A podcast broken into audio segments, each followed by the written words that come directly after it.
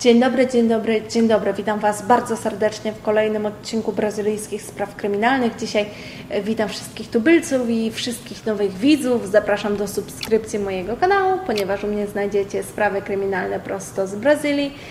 A jeżeli chcecie zobaczyć, co u mnie słychać, możecie do mnie wpaść na Instagrama. Jeżeli chcecie wesprzeć moją pracę, ponieważ niestety większość moich filmów na YouTube jest demonetyzowanych, możecie wesprzeć mnie na Patronite. Dzisiaj otwieramy naprawdę niezłą sprawę, sprawę rodziny Pesegini.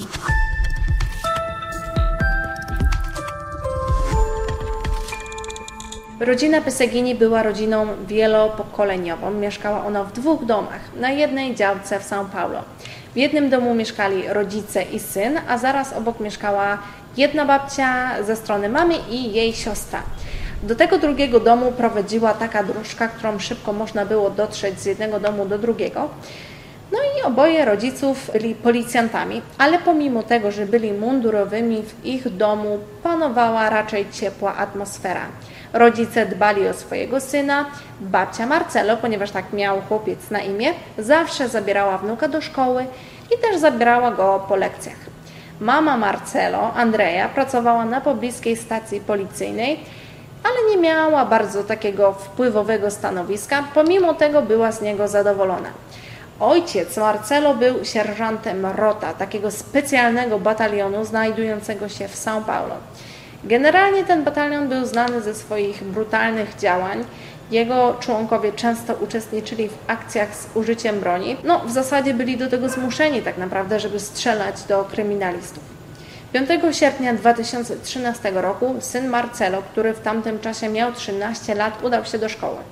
Na zajęciach chłopiec wydawał się być przygaszony, spokojny, ale po zakończeniu lekcji wrócił jak zawsze do domu. Tego samego dnia jego matka Andrea nie pojawiła się w pracy. Nie uprzedziła też nikogo, że pracy się nie pojawi. Dlatego też po południu do ich drzwi zapukał jej kolega z pracy, żeby zapytać, dlaczego kobieta nie pojawiła się na posterunku. No i tak chwilę czekał, żeby ktoś mu te drzwi otworzył. Nikt mu tych drzwi nie otwierał. Po jakimś czasie ta sytuacja zaczęła robić się dziwna, dlatego też mężczyzna uznał, że lepiej będzie wtarknąć do domu i zobaczyć, czy wszystko jest w porządku. Kiedy dotarł do salonu, przed jego oczyma pojawiły się ciała małżeństwa Pesegini i ich syna Marcelo. Zaraz po tym mężczyzna zadzwonił po wsparcie. Dokonano wstępnych oględzin miejsca i już od początku organy ścigania podejrzewały, że zabójcą był mały 13-letni Marcelo. Ta teoria poparta została różnymi faktami i wieloma zeznaniami. Według policji przebieg wydarzeń wyglądał następująco. 4 maja rodzina Pesegini urządziła grilla na swojej działce. Dopiero w nocy sąsiedzi usłyszeli strzały. Najpierw usłyszano dwa strzały, zaświeciło się światło w salonie, a później padły kolejne trzy. Według policji chłopiec wziął broń matki i najpierw zastrzelił ojca, który spał na sofie, no i wystraszył się całą tą sytuacją, tym co zrobił. Pobiegł do łazienki. Matka w tym czasie, która była w zupełnym szoku, podbiegła do łóżka, żeby ratować swojego męża, ale następnie chłopiec ponownie wybiegł z łazienki i oddał strzał w głowę matki, co doprowadziło do jej śmierci. Kolejno Marcelo udał się do mieszkania babci, podrążył tą dróżką, która prowadziła do ich domu i tam zastrzelił obie w łóżku. Ciała kobiet ułożone były w ten sposób, jakby spały, ponadto przykryte były pościelą, dlatego policja mówi, że kobiety były już wtedy w łóżku, najprawdopodobniej spały. Według policji całe zajście trwało około 10 minut. Po tym wszystkim o godzinie 1.15 rano Marcelo wziął automatki, ponieważ według zeznań kolegi z pracy Andrei, tego samego mężczyzny, co odnalazł ciała, ona nauczyła go prowadzić samochód. 13-letni chłopiec, który już potrafi prowadzić auto. No, tak na marginesie w Brazylii jest to zabronione, żeby 13-letnie dziecko prowadziło pojazd. No ale dobrze, auto zostało zarejestrowane w ruchu przez kamery na ulicy. Marcelo udał się aż pod swoją szkołę, gdzie spędził resztę nocy. W aucie znajdował się do godziny 6.15, po czym wyszedł z auta i normalnie udał się na pierwsze lekcje.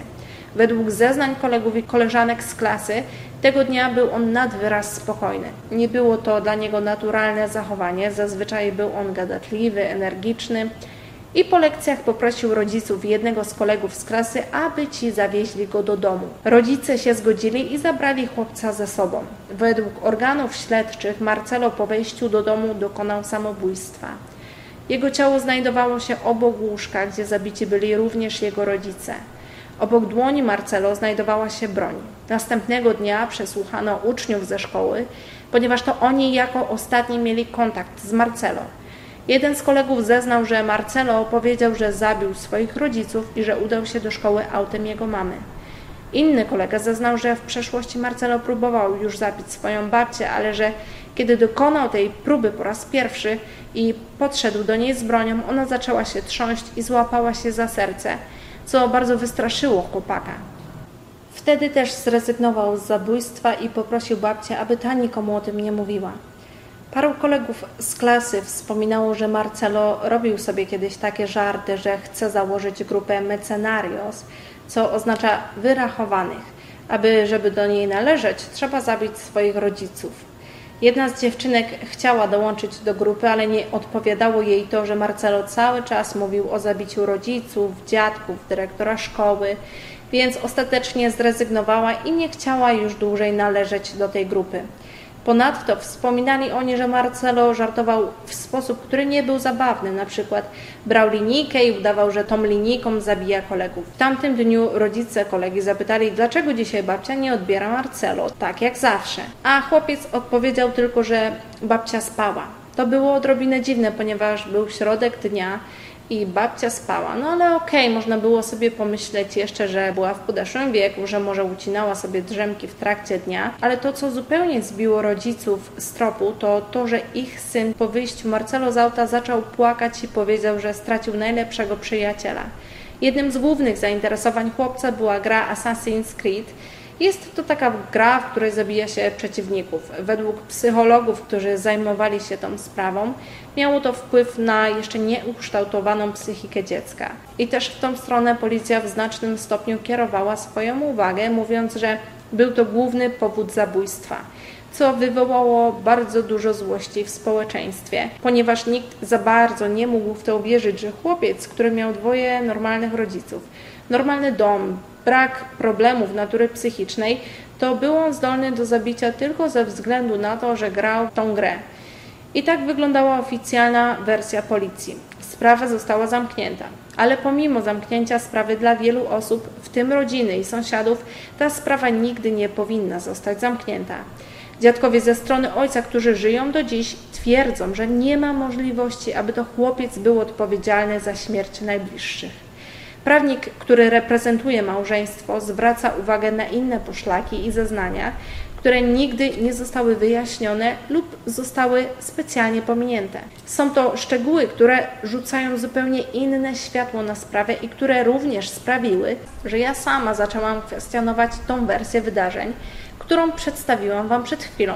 Pamiętacie tego kolegę policjanta z pracy, który przybył jako pierwszy? Dużo rzeczy dzieje się wokół niego, które budzą wątpliwości. Zaczynając od tego, że mężczyzna zeznał, że poprzedniego dnia rodzina urządziła grilla w ogrodzie. Tylko, że szybko okazało się, że rodzina żadnego grilla nie urządzała. Tak naprawdę byli oni wtedy w galerii handlowej, później poszli do kina i dopiero wrócili do domu. Więc te zeznania były fałszywe. Oznaczało to, że tamtego dnia dom do wieczora stał zupełnie pusty. Dlatego też reszta zeznań może być również wątpliwa. Jednak oczywiście policja nie wzięła tego pod uwagę.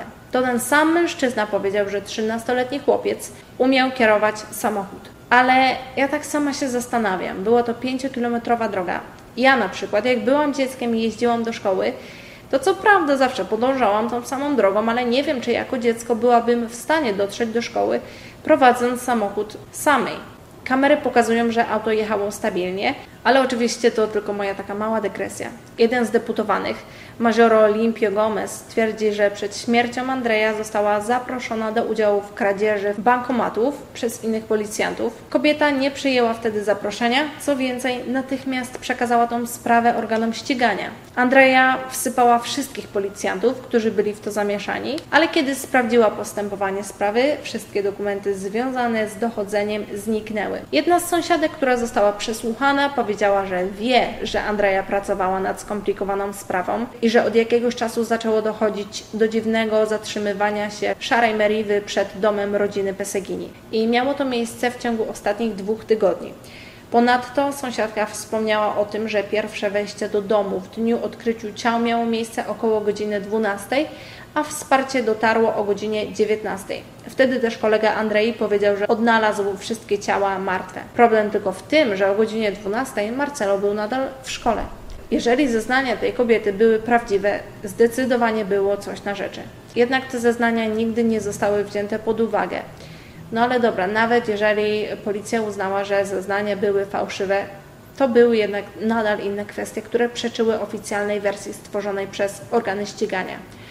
Chłopiec na wewnętrznej stronie dłoni miał znaki świadczące o tym, że bronił się przed śmiercią. Jak mogłoby do tego dojść, gdyby chłopiec po pierwsze trzymał broń w dłoni, po drugie popełnił samobójstwo? To samo wykazały powtórzone badania ciała. Ten fakt również został pominięty. Co również budzi podejrzenia, to fakt, że każda zastrzelona osoba otrzymała tylko jeden strzał w głowę i to był oczywiście celny strzał. Tylko jeden. Czy 13-letni chłopiec byłby w stanie zabić cztery osoby, strzelając tylko raz w każdą z tych osób? Miejsce strzału na ciele zmarłych nie pasuje do wysokości dziecka. W sensie chłopiec musiałby być po prostu wyższy, żeby trafić w to miejsce. Kolejno sprawa została zgłoszona o godzinie 18 a między godziną 18 a 18.20 na telefon ojca Marcelinio wykonano paręnaście telefonów. Żaden z nich nie został odebrany. Później telefon się wyłączył i nie ma żadnej informacji dodatkowej na ten temat. Policja nie zajęła się tym, żeby sprawdzić, kto dzwonił do ojca Marcelinio tamtego dnia po jego śmierci. Jeżeli chodzi o dziadków ojca, nigdy nie przeprowadzono z nimi wywiadu i nie wzięto pod uwagę ich zeznań. Nie zapytano o to, jak chłopiec się zachowywał, czy były jakieś zachowania świadczące o tym, że mógł mieć on problemy natury psychicznej. No i wszystkie te anomalie w sprawie doprowadziły do tego, że adwokat rodziny starał się o ponowne otwarcie jej i o ponowne dochodzenie. Co więcej, stworzono stronę na Facebooku, która została stworzona, aby uczcić śmierć ojca Marcelinio. Tylko problem w tym, że została ona stworzona zanim doszło do śmierci mężczyzny. W 2017 roku nagrania z kamer, które zostały użyte w sprawie sądowej, przekazano do ekspertyzy w Stanach Zjednoczonych. Tam po analizie jednogłośnie uznano, że w każdym z nagrań dokonano zmian. W czasie tego drugiego nieoficjalnego dochodzenia zbadano, że ojciec został zabity znacznie wcześniej niż wszyscy inni. W ten sposób stworzono inną, możliwą wersję wydarzeń. Zaznaczę tylko, że nie jest to oficjalna wersja. Według niej policja wtargnęła do domu, zabito ojca i przez jakiś czas trzymano kobietę w charakterze zakładnika. Następnie ją również zabito, po tym również dwie starsze kobiety. Zabrano chłopca pod szkołę, gdzie grożono mu, że nie może nikomu powiedzieć o tym, co się wydarzyło i że ma zachowywać się normalnie. Następnie chłopiec wrócił do domu po szkole i tam został zastrzelony. Lecz wcześniej próbował się bronić, dlatego też na dłoni odnaleziono te ślady bójki.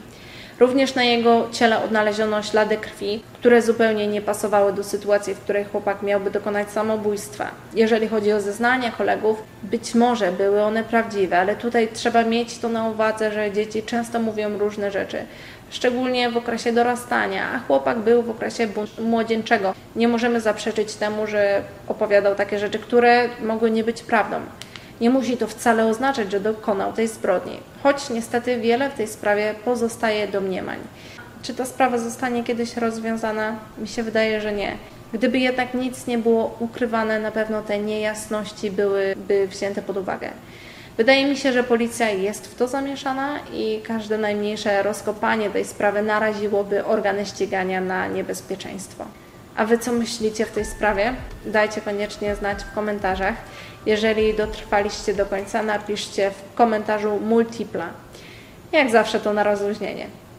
Mam nadzieję, że sprawa była dla Was zaskakująca, tak samo jak dla mnie i możecie się podzielić nią ze znajomymi. Ja w tym czasie idę przygotowywać kolejne sprawy. Do zobaczenia za tydzień. Ciao! Beijos!